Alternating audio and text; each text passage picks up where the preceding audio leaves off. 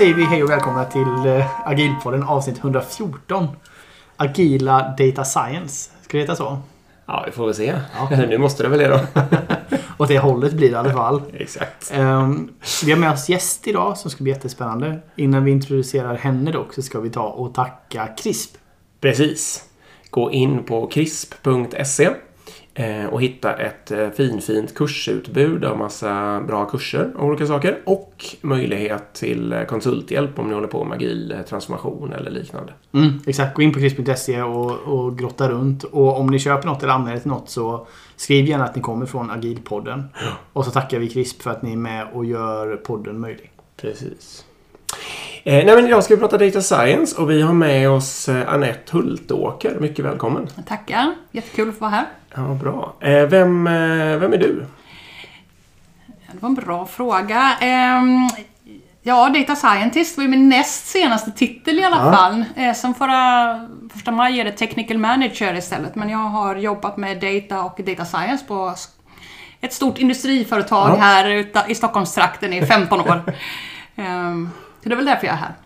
Och vad har du för bakgrund innan det? Vad har du pluggat och så vidare? Eh, jag har en eh, bakgrund med matte och fysik och kemi. Doktorerat i fasta tillståndets fysik. Eh, början på 20... Vad, innebär det? Fasta tillståndets. Jag har hållit på med transparenta ledare till elektronik. Eh, men jag tror att det är lite annan teknik i våra displayer idag. Okej. Ja. Så blev det lite annat istället. Jag började grotta ner mig mer i data och programmering och data science och hamnade efter ett litet tag på det här företaget. Ja, spännande. Mm. Och du har också någon annan eh, commitment utanför det jobbet, eller hur? Du är med på KTH på någon... Ja, jag har varit gästforskare på KTH här eh, senaste året. Eh, på, pengar från eh, Stiftelsen för strategisk forskning. Som man kan få då för att rotera mellan, är man inom industrin kan man gå till akademin 6-24 månader eller vice versa. Eh, För att knyta nya kontakter, nätverk, få lite korsbefruktning av disciplinerna. Så det har precis kommit tillbaka från att ha varit då på eh, ITRL, Integrated Transport Research Laboratory på KTH. Mm. Spännande. Mm. Och idag ska du lära oss allting om data science. Exakt. Kanske inte riktigt allt. Inte det, men vi ska, vi ska toucha vissa grejer. Vad, vad tar vi avstamp i? Eh, eh, Någon får ju ge, och den är någon är nog inte jag då, får ju ge en grundläggande förklaring i vad är data science. Och eh, du får köra Anette, i och med att det är du som är gästen här. Ja, men vi- brukar ju prata om att det är tre komponenter som behövs i data science, eller som liksom gör det till det som starka verktyg det är. Det första är matten, ofta i form av statistik. Eh, Som då är algoritmerna kan man säga, bygger upp algoritmerna. Sen behöver man då IT-delen för att kunna köra det här. Att vi har kraftfulla processorer och så idag. Eh, Och så behöver man domänkunskapen, att veta vad är det för processer eh, som jag ska liksom försöka efterlikna, som där data kommer ifrån och där ska jag försöka liksom ha en algoritm som beskriver den här processen. Då måste jag veta vad som händer där i. Så, så matematiken i algoritmerna, en, en kraftfull IT-infrastruktur och programmer, liksom själva programmeringsdelen då, och, eh, och sen då att, att förstå vad är, kommer det här ifrån, kunna med process. Det är de tre del, delarna då. Vi kanske ska säga på en gång också att det är ju verkligen, eh, det finns ju en flora av olika sätt att uttrycka sig här. Och massa begrepp och de används lite olika inom olika organisationer och så, eller hur? Ja, precis. Så det här var ju då, det var ju din eh, förklaring av vad data science är. Och, och jag är, tycker alltså helt med på den också. Det var inte så jag menade. Men jag tänker bara att om ni har hört annat där ute så eh, är det säkert sant för någon annan så att säga. Eh, vill du säga någonting om machine learning då, apropå begrepp? Ja, det är ju en, en väldigt stor del av de här algoritmerna eh, i, som man använder. Eh, den, väldigt stor del. Där man då tar historisk data och försöker då hitta mönster i det här, lära av historien. Sen föder man då in nytt data i de här algoritmerna och får ut ett, ett nytt svar så att säga. Eh, så det är den absolut största biten. Det finns inom data science kan det också vara så att man använder bara kraftfulla, mer, mer klassiska statistiska metoder och så också. Mm. Som då inte bygger på samma sätt att man undersöker historisk data och försöker hitta mönster eller ja, klustringar eller eh, så. Så att det, finns andra verktyg i data science också. Just det. Ja, Och det som är värt där är väl att många gånger så jämför man mot då eh, slumpvis data, tänker Mm. jag. För, veta, för hur vet man att det här är bättre än något annat, så att ja, säga. ja, Så då har man jämför det mot slumpvis och så har du några mätvärden du vill styra på då kanske. Ja, du vill ha precis. högre konsumtion eller du vill ha mer försäljning eller vad det skulle kunna precis. Vara. Och så kan man se då att de här algoritmiska rekommendationerna eh, outperformar helt enkelt. ja, precis. precis. Vad heter det? Så att är du, ska- bara för att sammanfatta det du sa så skulle du säga att machine learning är en delmängd av data science? Ja, jo, men det är, det är det allra viktigaste redskapet skulle jag vilja säga. Mm. Och många företag där särskiljer på de kompetenserna Ja. också, kan jag säga. Eh, Just att man tycker då att ML-delen kanske är mer programmeringsbit eh, medans då data science-biten kanske är mer analys av data eller Ja, och så vidare. Eller en, och en del blandar det precis tvärtom och en del har ett namn för både och också. Så Ja. det skiljer lite beroende på... Ja, det är en väldigt stor eh, flora, både även inom i Sverige, eh, Sverige och, och mellan olika länder och sådär, vad man kallar olika roller i det här. Mm. Det, det varierar mycket, så det ska man inte ta för givet att en viss roll innehåller något visst, eh, utan det får man läsa på. Mm. Exakt. Ehm, ja, var ska vi ta fart någonstans då? Eh, statistik och signifikans vill Erik fråga om. Ja, ja, ja men precis. För eh, vi kan prata om det. Och där, där kanske börjar lite med att om vi nu skulle... man kan säga så här, det är trendigt med att ha datadrivna beslut. Mm. Eller hur? Det, det är, Alla organisationer vill ju komma dit. Ja. Och det är ju ett för att då kanske historiskt så har man tagit beslut på i, i bästa fall kanske vad användarna eller de som använder produkterna eh, vill eller önskar. Eller att bara på vad ledningen eller cheferna vill. Ja. Eller? Ehm, så, så det är ofta så produktutveckling sker. Liksom. Och det man vill bör, bör, bör göra mer och mer kanske, speciellt i digitaliseringsvågen, att man vill ta beslut baserat på hur saker faktiskt används istället. Ja.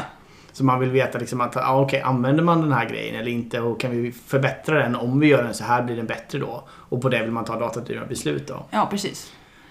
Men för att landa i datadrivna beslut så har man ju då hela det här med datakvalitet och hela den Ja. biten. Kan vi ju toucha lite på det? Hur, hur ska man jobba med det och vad... Ja. Mm. Ja, men det är ju...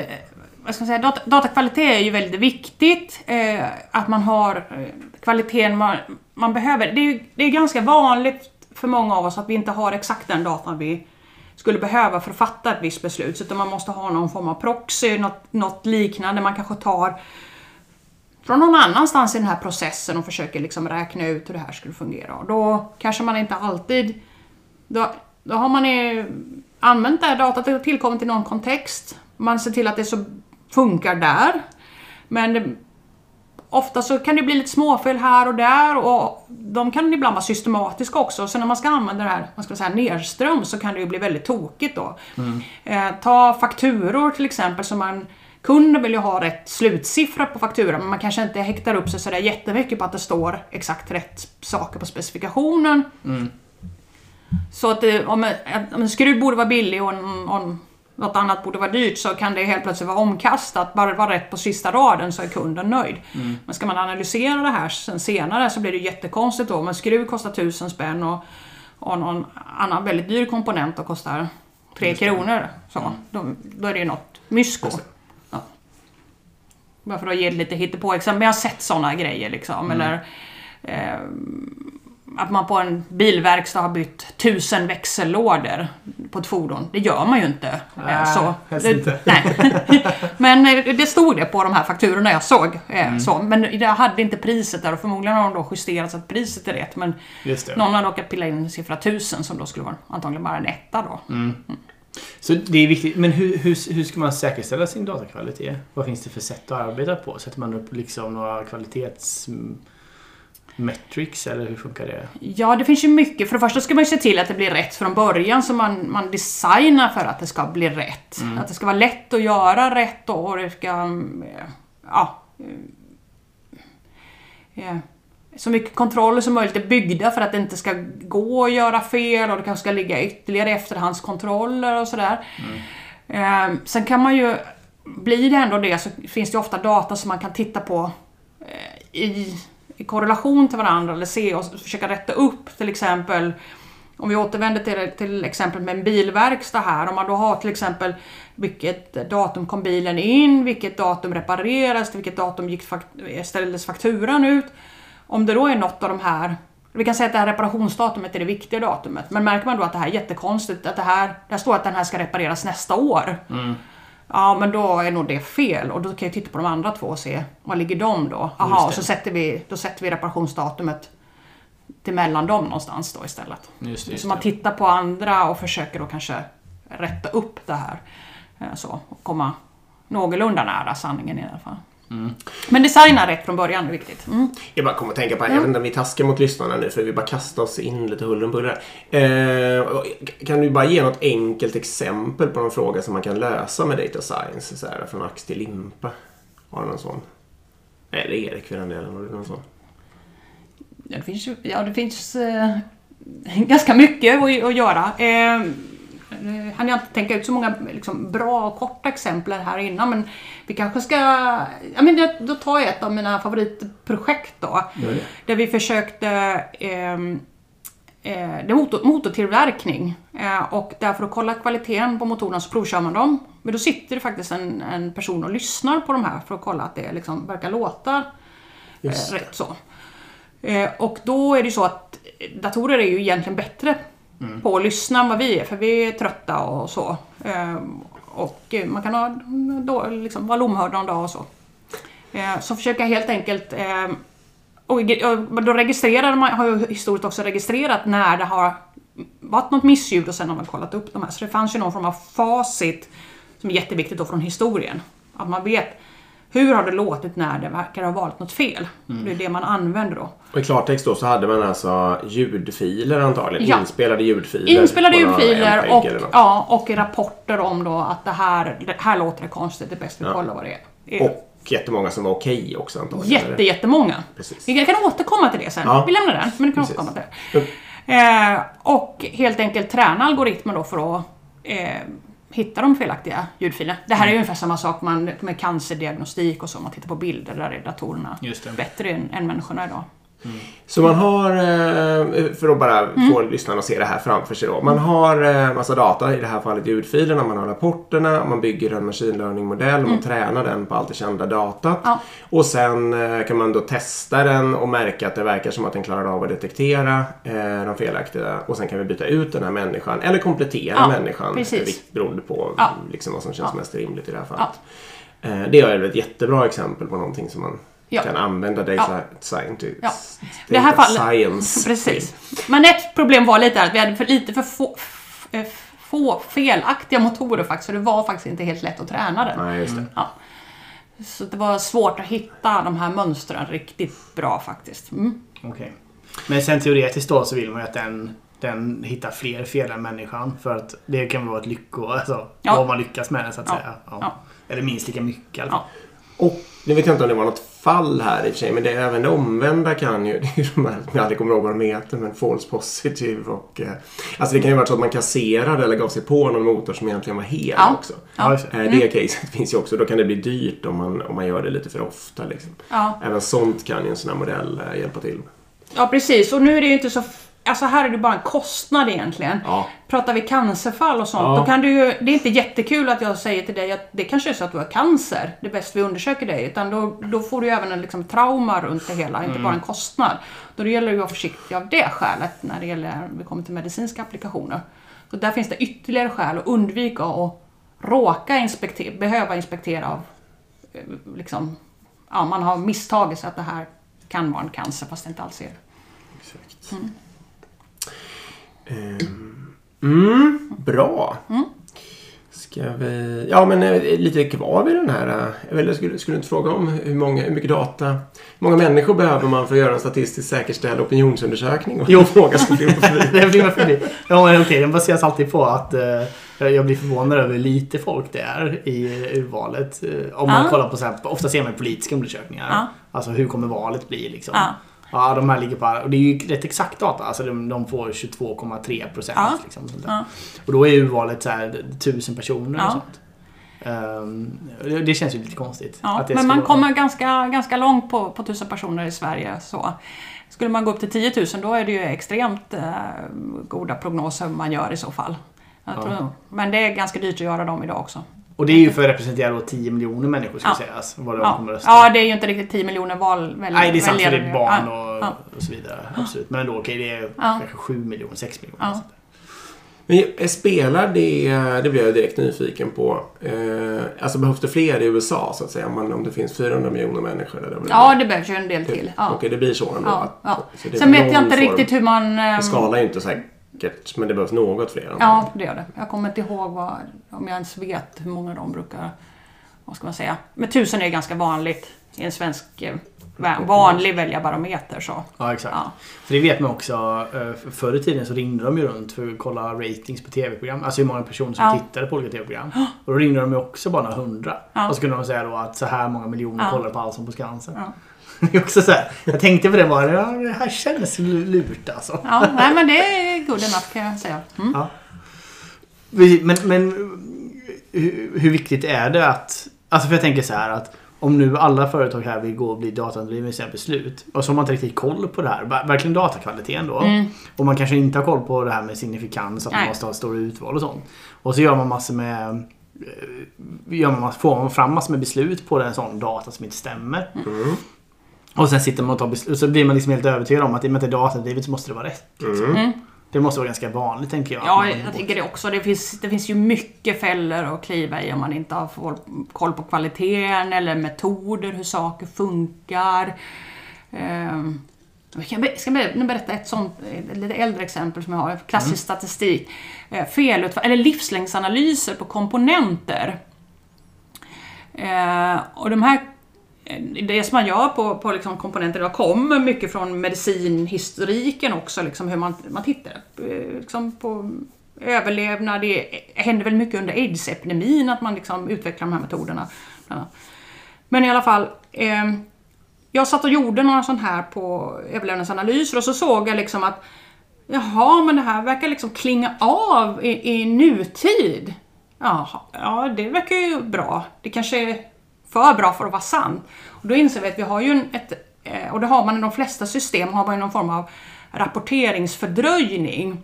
Alltså få system, vare sig det är sjukhusen, vi kan ta coronafall Mm, eller vi kan ta reparationer på bilverkstäder för att återvända till det. Så är det sällan så att man, man har underlaget liksom här och nu. För du, du ska reda ut vem ska betala det här, var det här ett coronafall eller inte. Det tar några dagar och någon är sjukskriven. Och, så att någon veckas fördröjning kanske. Så då har du ju ett, det, det var ju den där jag inte hade tagit hänsyn till. Utan det hade jag missat liksom. Jag hade ju inte fått in den senaste veckans reparationer helt enkelt. Så därför såg det ju väldigt bra ut i närtid. Men, men sa man då, att, liksom, sa jag till modellen att jag vet inte vad som har hänt de senaste två veckorna. Ja, då, då, då framträdde en helt annan bild kan man säga av läget. Så. Så, så bara ett sånt misstag. Nej men det är lugnt där. Det har slutat vara ett problem. Ja, just det. Ja, nej, Det hade kunnat dras ganska stora växlar på det. Ja, Så att säga. ja. Om du hade rapporterat in det. Ja. Ja. Mm. Ja, det är ganska roligt case. För det gäller ju alla sådana, ja precis, covid var ju ett bra exempel Ja. i den här tid. Men säkert även sådana här garantiärenden och Ja, sånt. ja. För de ska säkert alltid redas ut om det var det eller Ja, inte. precis så. det- Ja, Mm. ja. Ja men covid var ju verkligen, man satt ju och väntade på de här Ja. dödstalen och siffrorna och sånt. Ja. Och så var det ju verkligen så här, nu dröjer det till tisdag nästa gång vi får veta. Ja. Mm. Nej, men om man vill ha en datadriven produktutveckling då till exempel. Eh, apropå det här med att fatta datadrivna beslut. Alltså ska vi säga någonting om AB-testning då? Det måste vi nästan göra. Ja, verkligen. Och vem vågar eh, förklara vad det är? Eller? Inte jag. det känns som det är dumt när vi har en expert i rummet. Nej, jag tror att du får ta den i alla fall. Ja, jag har bara brottats med och till och med ha kursmodul men inte riktigt lyckats. Så att, eh, Okej, men du får rätta mig då. Ja. Förlåt, då måste jag bara säga anekdot. Vi ska komma till det också att Anette har gjort en kurs som jag har gått något. Eh, och så sa hon alldeles nyss att den, eh, den, det du var mest missnöjd med på den, eller som var mest, minst meningsfullt att ha med var AB-testning. Ja. Och då så försökte jag säga att jag, tror- jag tror att jag vet vad det är och att jag lärde mig det på den där kursen. Men nu blir du osäker helt Nej, jag vågar inte säga. Nej, men det var många som tyckte att det var ett jobbigt område jämfört Ja, med mycket annat. område. Ja, område. Erik får försöka. Men precis, inom mjukvara så är det ju desto lättare i alla fall. För det det handlar om är ju att, alltså Facebook använder det här till exempel väldigt, väldigt mycket. Och det är ju bara för att då gör de så att de testar helt enkelt att sätta en delmängd av sina användare i så som det är. Och sen så gör de en produktförändring. De, till exempel när de lanserade eh, mer reactions än bara tumme upp. För innan kunde Mm. man ju bara ge tumme upp och sen så lanserar man mer reactions. Då testar man att göra det på, på, ett, eh, på en delmängd av, på, av användarna. Alltså då har man helt enkelt en A-grupp och en B-grupp. Och då kan du egentligen jämföra. Om de beter sig likadant. Alltså har den här någon effekt överhuvudtaget. Eller har de exakt samma beteenden. Och då har de ju vissa mätvärden för att kolla på det. Hur länge stannar en användare i en sektion? Hur länge stannar man som kund? Hur många gånger loggar man in per dag? Alltså alla de här typerna av mätvärden. Eh, Och det är ju ett väldigt smart sätt då för att produktutveckla och testa olika saker. Och få se vilket beteende man kommer få med den här funktionen man vill lansera. Och många gånger så bygger det på att man har en testhypotes från grunden då. Så man tror liksom att via att lansera den här funktionen, att eh, om vi tar någonting, om vi kan ta Facebook till exempel. Via att lansera mer emotions på än bara tumme upp så kommer vi få ett beteende som är att folk faktiskt använder applikationen mer. Liksom. Och då kan de helt enkelt mäta det. Och om de ser då att ja, men det verkar stämma också, att vi får inga negativa saker utan vi får bara att folk använder appen mer. Då lanserar man ut det till allihopa. Mm. Helt enkelt. Och sen, så, sen blir det ju lätt, många gånger mer komplicerat än så här. För man, Ja. man kanske vill testa att lansera mm, fyra olika emojis. Och man vill lansera tre till några och hundra till några och tummen ner till några och så vidare. Men, men det, är väl, det är väl ungefär så det funkar. Ja, men precis. Men det viktiga som du säger är ju att ha den här hypotesen, vad är det man ska testa när det här händer? Eh, och jag har väl använt det mer ur ett tekniskt perspektiv kanske och inte, inte på an- människor och användare utan snarare då, jag har en hypotes om att det är det här som är det tekniska problemet och så försökt dela upp i olika populationer och jämfört dem då och se vad, eh, ja, vad man får för statistisk skillnad på det då. Mm. Det är ju en väldigt snarlikt exempel då, med testning. Och det gäller ju att ha koll på vad man sen, eh, alltså vad som är bra och dåligt Ja. till exempel. Det är ju en klassiskt misstag om man inte riktigt har tänkt efter innan Nej. när man sätter upp sitt test. Att man inte egentligen har, så har man ingen aning alls om man tyckte att det blev bättre eller sämre för att man inte hade bestämt sig för det innan. Ja. Eller kanske ta för små populationer då också. Ja, precis. Så att man inte... Det är faktiskt egentligen ingen skillnad på de här. Det är bara... Alltså, du råkar ju ofta få lite eh, skillnad i utfallet då. Men, men har du tillräckligt många så kan du inte säga att det här de facto är en skillnad i de här populationerna. Nej, men precis. På, jag vet inte hur det blir, eh, eller ett, ett tillkommande problem. Men inom medicin gör man ju mycket AB-testning. Fast man kallar det väl inte för AB-testning Nej. för sig. Men då måste man ju nästan alltid jobba med en kontrollgrupp för att själva placeboeffekten gör att eh, man får en positiv effekt. Ja. Bara att man bryr sig om folk. Så man måste dela ut sockerpiller eller Ja. Göra en låtsasbehandling som motsvarar den verkliga behandlingen liksom, på kontrollgruppen. Eh, Men du sa aldrig, eh, för de testade ju tummen ner. Du sa inte det va? Ja, precis. Då, då gick användningen Ja, ner. de, de hade Och där- flera olika eh, guardrail metrics som bröts av det. Exakt.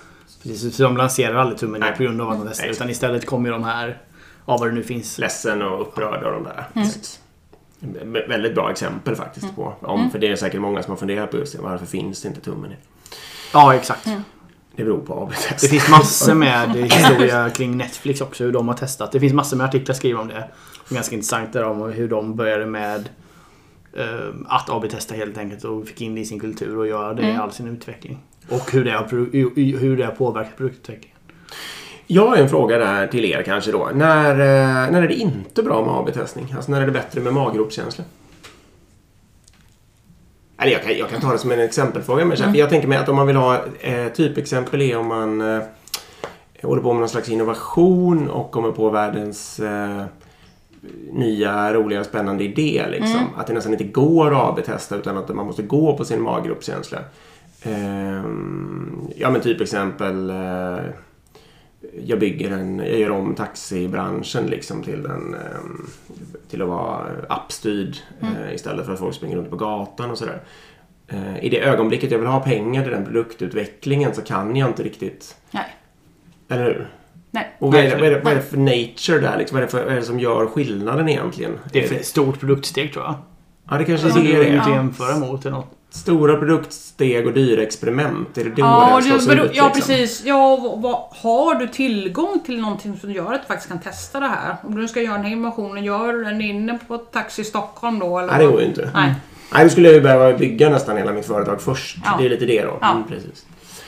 Eh, nej, men för jag var ute och fiskar efter det lite att jag tänker att eh, ibland om man inom ett befintligt företag har en sån här smart idé så kanske man vill slippa AB-testning så att säga för att man är så himla övertygad om att den är bra och den är svårtestad.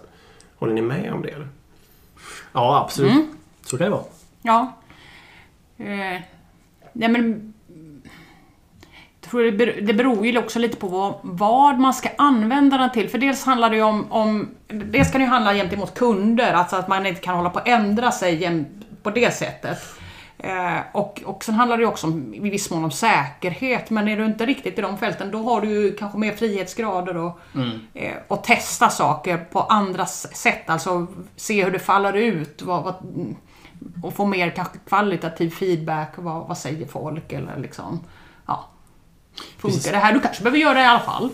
Saker så att det spelar ingen roll vad testningen faller ut till. Nej men det kan ju vara så. Det genererar för mycket pengar eller Ja, det, ja. Alltså vi måste ha sp- sponsintäkter eller Ja. annonsintäkter och det. Men ehm, s- sen eh, kan man också använda AB-testing för att mäta värdet på befintliga saker. Det är värt att tänka också. För man kan ju också via AB-testing ta bort funktioner. Just Alltså det handlar inte bara om att lägga till. Nej, sant. Utan vad händer om vi, vad händer om vi skulle ta bort eh, de här två sakerna liksom? Har det faktiskt en påverkan eller inte? Och vilken påverkan har det? Och då får man ju också, om man gör det på en sak då till exempel. Då kan man ju faktiskt, om man gör det rätt, eh, mäta värdet av den funktionen. Sant. Alltså vad händer om vi tar bort sökfältet ur vår applikation? Till exempel? Jag sitter och försöker komma på exempel nu bara för att medan vi pratar. Men alla exempel jag kommer på är ju jättestora och det tyder kanske på just det att det är när man ska Men jag fatta typ, stora tes- beslut. jag tänker typ. Tesla och sånt där. Ja, Tesla hade ju varit svårt att AB-testa. Ja, jag tänkte Ja, bygga en elbil och... Jag, också, jag satt och tänkte på om man nu är en fordonstillverkare Mm. och sen så vill man kanske gå in i autonombranschen. Det i sig är ju svårt att Mm. AB-testa. Och sen om man liksom ska gå loss på en så här, alltså på en gruva eller på en hamn eller på um, långsamma persontransporter. Det är också svårt att Ja, AB-testa vilket som Sen- är mest lönsamt liksom. Nej, sen är det ju också så med att, att data science handlar ju ofta om att ställa väldigt konkreta frågor. Du var ju inne på det. Vi, nu börjar vi prata väldigt stora och väldigt komplexa ja, frågor. Det, går, inte, för det, det är så mycket delar i det här så du, du vill egentligen fr- ha bara en väldigt, väldigt smal del. Din, din smala hypotes. Eh, och då öppna gruva har så mycket andra implikationer och, och konsekvenser så att nej. Det, det funkar liksom inte av det skälet.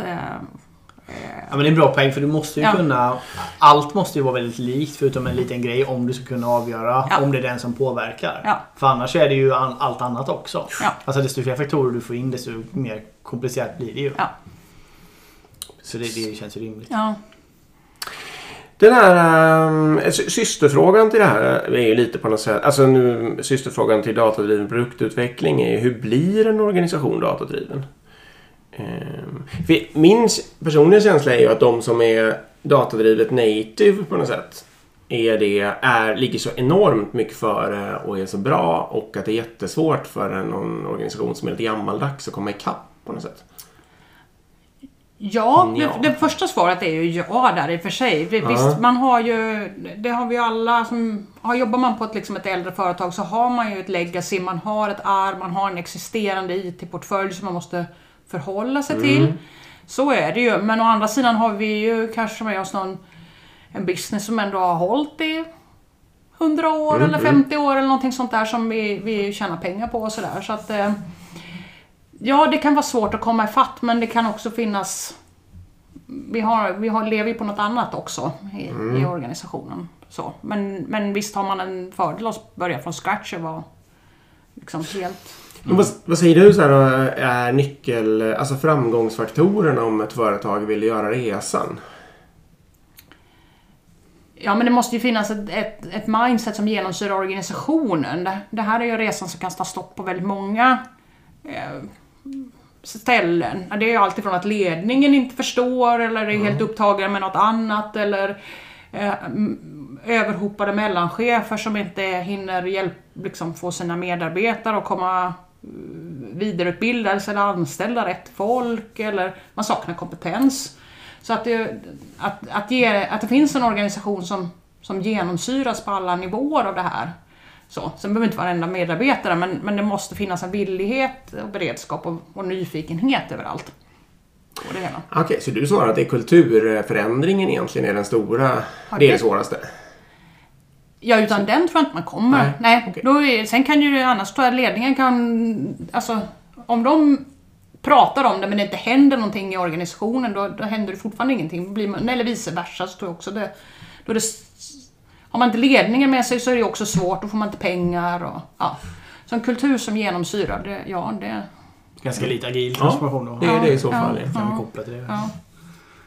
Men, men precis, men om du skulle få börja här nu på ett företag.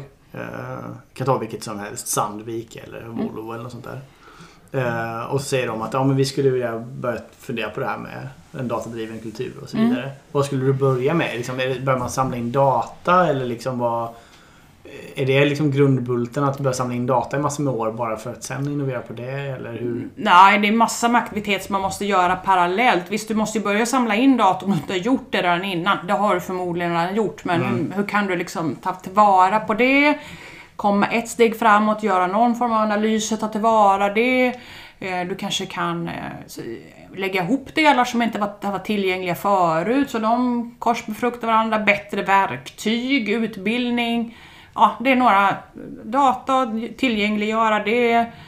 Kulturfrågan har vi redan pratat om. Eh, se till att ha rätt folk med rätt utbildning eh, och rätt verktygslåda. Eh, så det är ganska många olika saker. Mm. Där kommer vi in lite fint på Data Lake då. Som koncept, eller hur? Ja.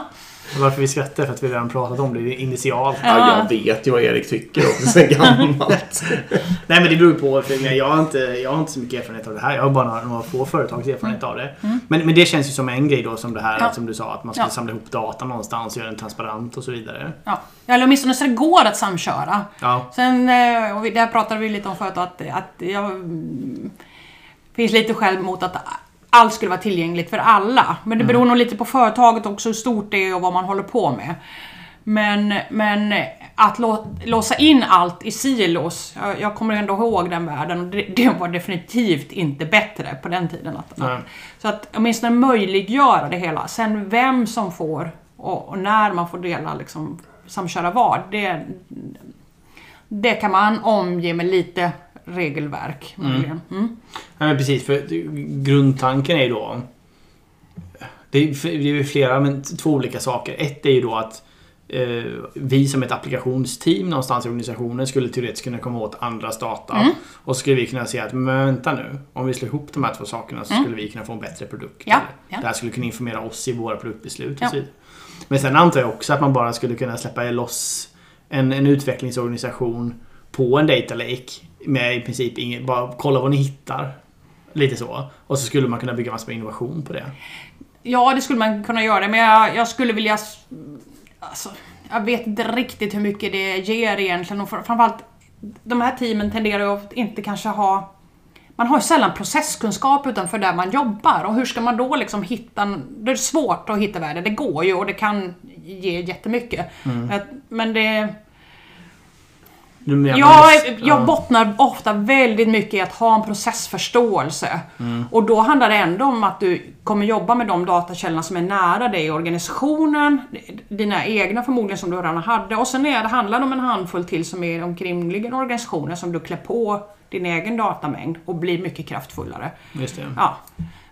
Eh, Så om, om du jobbar med, med uppkopplade fordon så vet jag inte riktigt vad du ska med uppkopplade lampor i, i fabriken till eller med... ehm, Ja, Nej men vem vet? Ja. Alltså å andra sidan, jag menar innovation kommer ju många ja, ja, ja det, kan, där. det kan vara så. Men, Ja. men, eh, men, det finns, ju förstår, ris- det- det det finns risker också med, med att, att bara öppna allt. Framförallt eh, ekonomisystem eh, och ja, liksom ekonomiska beslut också.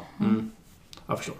Men okej, men, men eh, så största appliceringen skulle du säga är snarare att det är närliggande systems Ja. data man, man Ja. Det är där det är störst liksom, Ja. sannolikhet att hitta. Ja. Jag har tio system som jag har jobbat med i, fem år, men jag ser att kunde jag få in de här sju systemen som ligger nä, väldigt närliggande verksamheter, då skulle det bli väldigt mycket kraftfullare det jag, det jag gör- gör. Det, det tror jag eh, mycket på. Mm. Okej. Men summan av kardemumman, alltså det är bra att ha någon form av eh, teknisk lösning där, man, Ja. där data blir åtkomligt. Och Ja. det kan vara så att man behöver ha någon form av access, eh, alltså Ja. begränsa accessen på något sätt. Men man ska också akta sig för att göra det för mycket och det är en fördel att många innovativa människor kommer åt Mm. ganska stor del av datat i alla fall. Nu Så medlar jag lite mellan er här. jag. Om man inte har en data lake då, då har man någon, man kan ha linked data platforms, man kan ha, göra en data mesh. Ja, den, den kan du ju ha Vad är allt detta nu då? Ja, precis. Nu nu droppar du en massa ord här. om. Ja, det, eh, data mesh är ju mer ett hur man organiserar datat. Data lake är väl mer, tänker jag, som en behållare bara. Du har slängt ner sakerna i. Och den kan ju, en del har det fortfarande on-prem, en del har eh, cloud only eller någon mix mellan dem.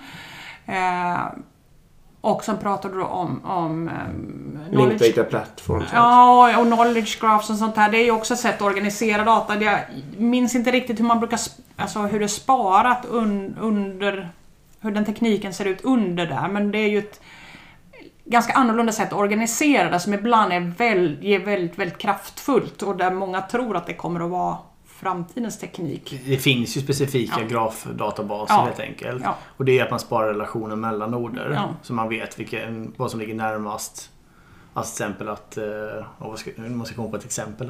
uh, hjälp mig nu då. Ja men till exempel att uh, hjulen är relaterade till navkapslarna. Mer än vad de är relaterade till stolen kanske. Ja, precis. Ja, men Mm. okej, vi behöver inte snöa ihjäl oss på det. Men eh, det finns olika tekniska lösningar. De är olika Ja, moderna. Och det är bra om att just tillgängliggöra data i Ja. alla fall på, på något Men, ja, men att prata om några saker till och där så har vi ju hela IoT-delen, alltså uppkopplade prylar som ju ofta har ytterligare plattformar och sådär. Det kan man ju ta. Just det. Mm. Finns det massor med publika datakällor man kan... Alltså massor med så här typ hur mycket befolkning vi är och... Det finns hur mycket som helst. Det finns verkligen hur mycket som helst. Eh, Två sådana stora är ju bland annat att eh, eh, EU-parlamentet har ju jättemycket av, av sina dokument och statistik och sånt där. Svenska statistiska centralbyrån. USA finns allt mellan himmel och jord. Jordbruksdata, skoldata. Eh, Det finns hur, idag hur mycket böcker som helst som är inlästa och, liksom, eller digitaliserade och, och ja, det, det finns o, det finns oändliga mängder faktiskt. Sitter Ja. du och nördar i den här datan någonting? Ja, Jag, jag, jag skulle vid ett tillfälle hitta ett bra exempeldataset för att ha till någonting. Men när jag då liksom, jag blev helt blockerad av att det var- det fanns ju så mycket, jag kunde inte välja. Det var som att försöka parkera en bil på en, liksom en tom parkeringsyta. Ska- jag ta vägen någonstans? Nej, jag, jag, nej, jag, nej, jag kom aldrig i mål med Nej, inte det? Nej. Men ska man gissa att det finns, baserat på den datan, i och med att det här är Mm. ändå ganska relativt ny, ny, nytt sätt att tänka och arbeta. Ja.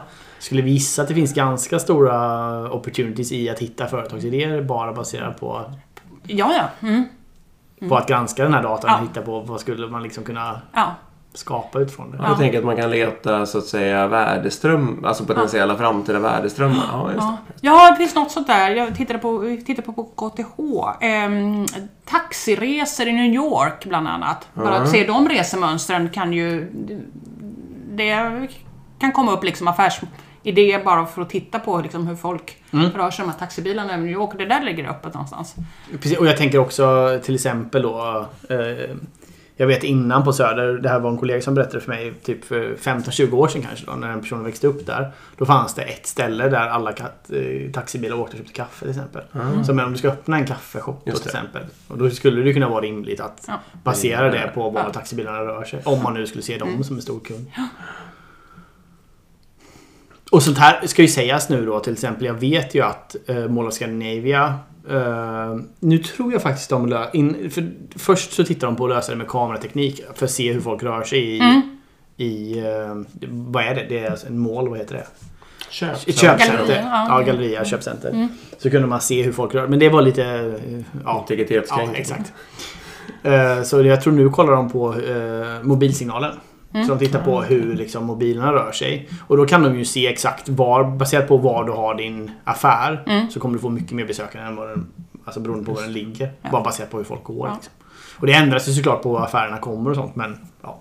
Men då, då kan han göra hyressättningen till exempel. Till exempel. där baserat på. Mm. Just det. Smart. Och de vet också var de ska placera ut vissa annonser och var folk går vissa tider. De kan se att runt lunch rör sig mer folk här. Då skulle de därvid kunna då göra reklam för restauranger och så vidare. Mobiltelefonsignaler används ju till väldigt mycket idag. Alltifrån att kolla vad vi höll till under inledningen av Corona. Om vi, vi, vi var i Stockholm åkte ut ur Stockholm eller inte. Eh, Just det. Mm. Men också eh, använder man ju idag för att titta på, på eh, vad heter det, köer och till och med olyckor. För att eh, får du då en stockning av eh, att, att alla stannar helt att mobilsignalerna inte rör sig framåt. Då har det ju hänt någonting. Det står ju still av något skäl och så kan man då bara undersöka, försöka ta reda på vad har hänt. Men, men då vet man att någonting har ju hänt för att stå still här. Google Maps gör väl till exempel det. Det Via, mycket de, ja. de indikerar att här är det kö. Ja. Jag såg det var någon kille som hade köpt typ eh, 45 eller 50 mobiltelefoner. Lagt i en kärra och sen Ja, gick just han. det. Ja, Just det. gick han ute på gatan och det skapade ju massor med trafikstockning i apparna. då. Ja, just det. Ja, den har jag hört om också. Ja, bara, bara för att man kan. Ja. Kanske något Ja, men det var ett roligt experiment. Var det? Ja, Ja, ja. Måste ju inte sätta det i system för att förstöra för dem sen. Men Nej, testa en Mm. gång. Ehm, jag måste ju också, jag nämnde det ju här, du har gjort en kurs. Jag har gått den också. Ehm, vad heter den och vad, vad är det för bra med den? Eh, Citizen Data Scientist. Lite corny name sådär. Men, men Citizen anspelar då på att man ska sprida det här med, med data science i organisationen. Alltså man demokratiserar det. Eh, Så att man får ut och inte bara ha ett eller få centrala team i, en organisation, framförallt inte en stor organisation, utan man då får ut eh, kompetensen i i alla liksom, olika vrår i organisationen. Eh, Så det här är någon sorts, jag skulle vilja kalla det en upskilling då, där man har någon form av grund som inom programmering eller ingenjör eller controllers eller annan dataanalys då som man är lite van vid matten och eller jobba med data eller programmering och, eh, och man då sig grunderna i, i data science på, på några månader. Det finns lite olika sådana varianter. Och man kan väl säga att det är, eh, en, apropå det du sa alldeles nyss, att uh, största utmaningen är ju kanske kulturbygget. Så är ju det här en typ en sån byggsten som man kan använda då, Ja, liksom, för, ja. att, för att skapa kulturbygget. Ja. Alltså jag är ju inte någon uh, framgångsrik data scientist efter det här, det kan man ju inte säga. Men det har ju verkligen påverkat min syn och Mm. också min respekt för det här området. Och det påverkar, jag jobbar ju som chef, men Ja. det påverkar ju ändå liksom, hur, hur jag gör och vad jag förväntar Ja. mig. Det känns som du har satsat lite mer på det här området i din organisation också. Ja precis, men Ja. där kan man ju diskutera hönan och ägget i och för sig. För att jag gick ju den där kursen för att jag visste att jag ville satsa. Ja, men, men absolut, det har ju verkligen gjort att jag kanske satsat lite smartare eller mindre dumt i alla fall. Jag kanske annars skulle ha gjort. Det är ett svårt område det här, Ja. ska sägas. Ehm, mm, kul. Vad är... eh, Har du råkat bränna det redan kanske? Vad är ditt roligaste case som har...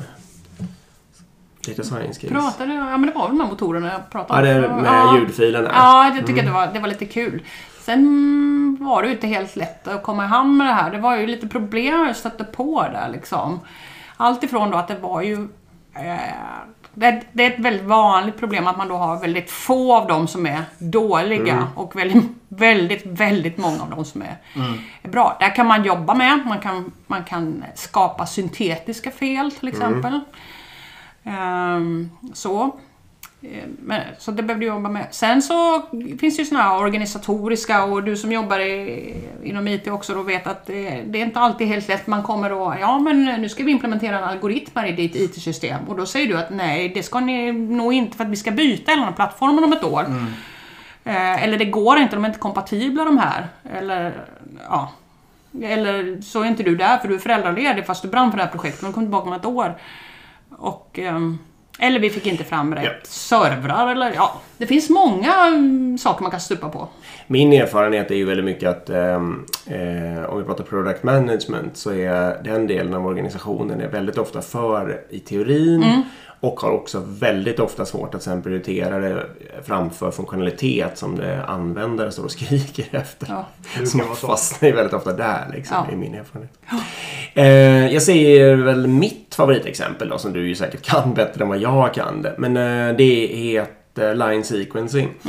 Eh, och går helt enkelt ut på att om man ska mm, producera fordon på en, eh, en assembly line, eh, monteringslina. Eh, så kan man eh, förr i världen och kanske delvis fortfarande ska man ha massa människor som försöker planera in dem på ett smart Ja. sätt så att det kommer en svår eh, efter en svår så kommer det flera enkla och sådär så man Ja. liksom får balans i det och man kan ha massa sådana regler. Eh, och det är ändå väldigt, väldigt, det blir snabbt väldigt, väldigt komplext för att det är Ja. många regler och det finns många kombinationer. Och det byggde kanske någon i din närhet? Ja, det är några kollegor till mig. Vi, det där har man visat sig ganska svårt och framförallt om man har mycket sådana här regler för att, vilken ordning man får sätta saker. Eh, och de jobbade med något som heter genetiska algoritmer där man då påminner om ja, en evolution helt enkelt.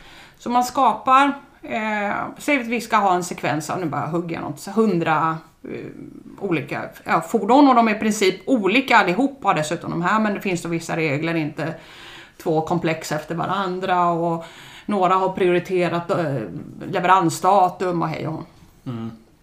Du skapar du eh, ett, ett antal bassekvenser eh, och så ser du hur, hur fel, många, många regler bröt jag mot. Vad, ja, räkna upp någon sorts straffpoäng. Så tar du de bästa, vi kan säga de bästa tio av de här. Eh, skakar om dem, skakar om lite genomet så du flyttar runt några bara lite hipp som happ inne i den här ordningen då. Fast du hade någon hyfsat bra. Eh, och sen utifrån dem genererar du nya, en ny generation med lite olika varianter. Eh, och så tittar du vilka blev, blev bäst den här gången. Så du, Du räknar ut nya straffpoäng. ja, du göra nya hela, hela tiden. Tar de som presterade bäst i den gamla generationen, skakar om dem lite grann så du får en ny generation med lite då variationer i, inom... Och det är slumpinitierat då? Ja, det är slumpinitierat. skakar Eller man kan ha, man kan ha vissa... Eh, Okej. Ja, man slumpar på, på vissa speciella sätt då kan man säga. Men man skakar om det här lite då. Och sen så får man fram en ny generation, titta vilka som är bäst. Och så håller man på då tills man eh, ändra håller på tillräckligt länge och säger nå, nu kommer vi nog inte längre. Blir det så." bättre och bättre då? Det blir bättre och bättre. Ja. Det kan låta jättekonstigt men eh, titta, det finns eh, klipp på Youtube och så. Ja. Eh, genetic algorithms. Eh, det blir bättre och bättre. Och, eh, och så säger man antingen sluta vi för det går, det går kanske inte att lösa utan att bryta mot några regler. Nej, så Så var det ju det här Ja, det fallet. var i alla det det var. Straffpoängen blev ju inte noll utan den blev ju... Men den blev däremot... Minimal. Ja, den blev Minimal. lägre än vad de här människorna Ja, precis. kunde göra. Ja, Det och så framförallt så jag gick det väldigt mycket fortare. Då kanske man kunde eh, räkna ut det här på 10 minuter istället för att det satt två personer var, vars en en hel dag, ja. dag. Liksom. Och, och blir jobbigt helt plötsligt om det fattas någon komponent. Man säger att Nej, men idag kan vi inte göra de, bygga de gula bilarna för de gula Mm. karosserna är inte här idag. Just det. Nej, men det, Och det används nu då i produktion liksom. Ja, Ja.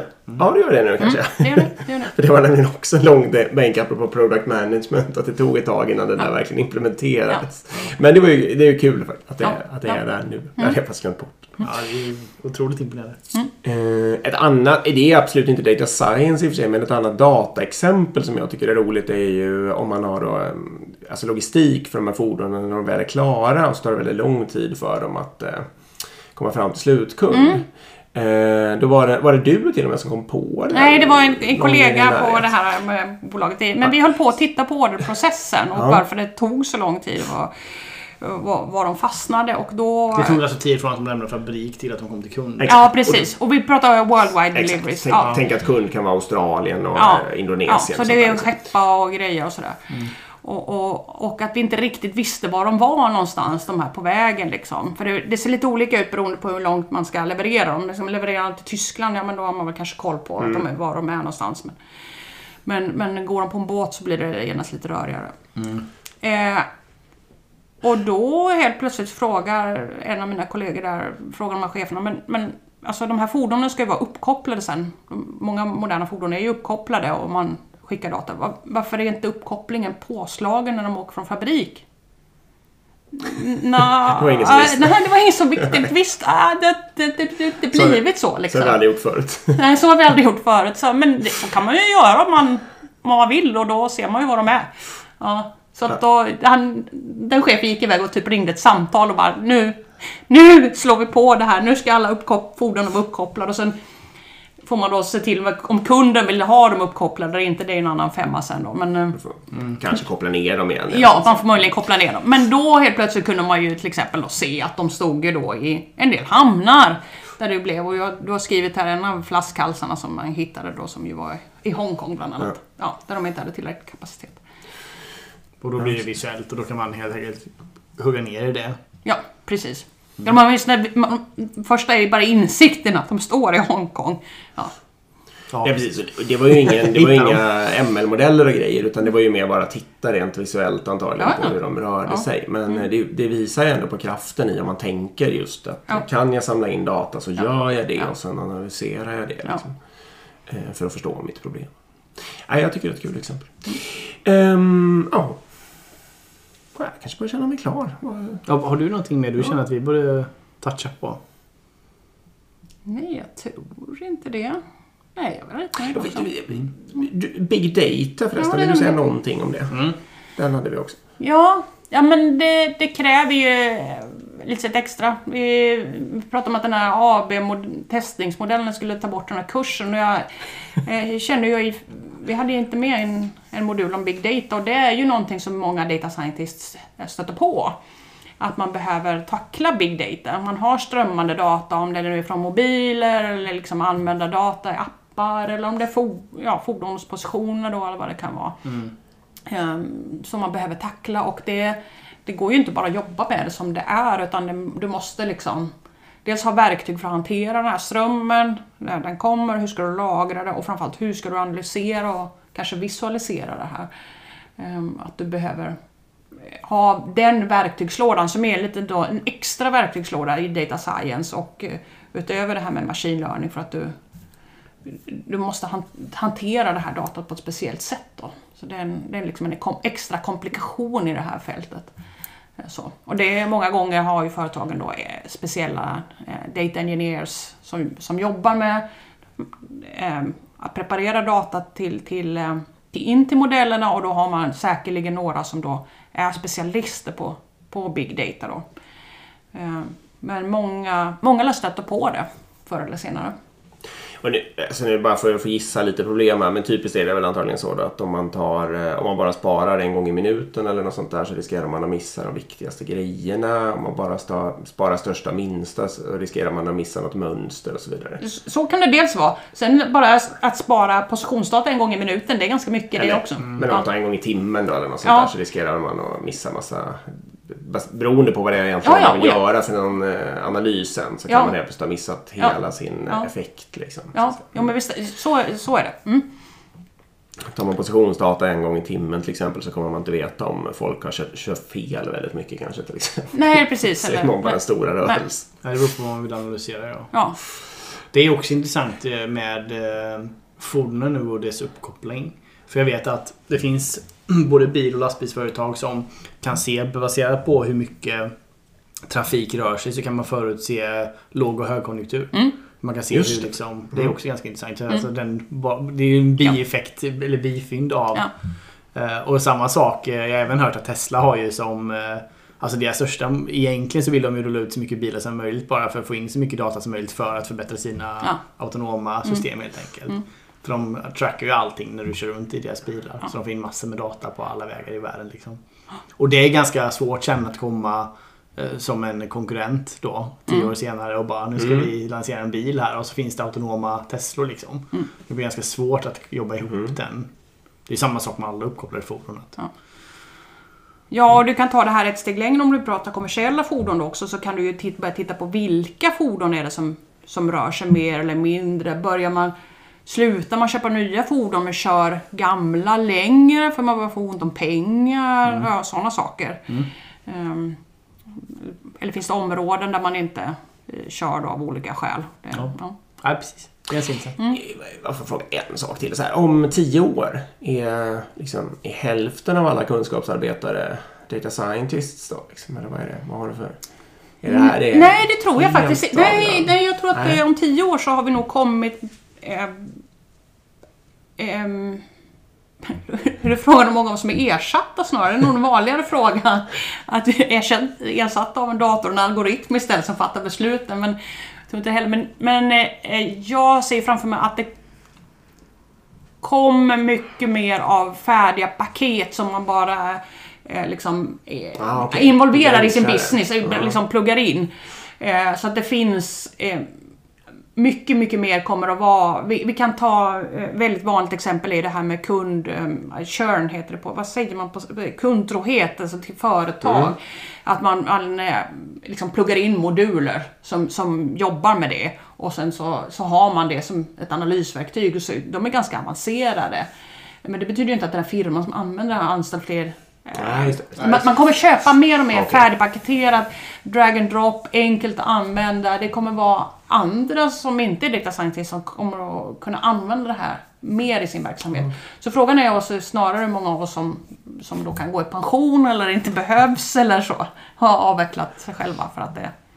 Men för typ 10 år sedan, då, fan, då var, eller 15-20 år sedan var inte Churn någon modul utan då kanske man var tvungen att anställa Ja, någon då fick man titta. och Ja, då satt man nog liksom. med kanske med ett business intelligence. Man tittade Mm. på de här siffrorna i en Excel oftast. Och en Excel-grafer och så. Ja, Alright. Vill ni tjäna stora pengar alltså, så kolla på de här öppna datakällorna då. Mm. Kolla på vad ni ska skapa för produkter. just det. Dagens tips. Ja, visst. Ja, då kanske taxibilarna i New York är EU-parlamentets... Eh, vad heter det? Nej, precis. Mötes, eh, Protokoll. Nej, Ja, exakt. Ja. Tipset var att göra era, era egen analys, inte, inte ta våra analyser. Exakt. Ja, men superbra. Mm. Tusen eh, tack för, ja, att, eh, för att du kom och var med. Ja, Kul. det var ju jättekul att få vara med. Bra. Ja, mm. verkligen. Mm. Och sen så ska vi tacka CRISP också. Ja.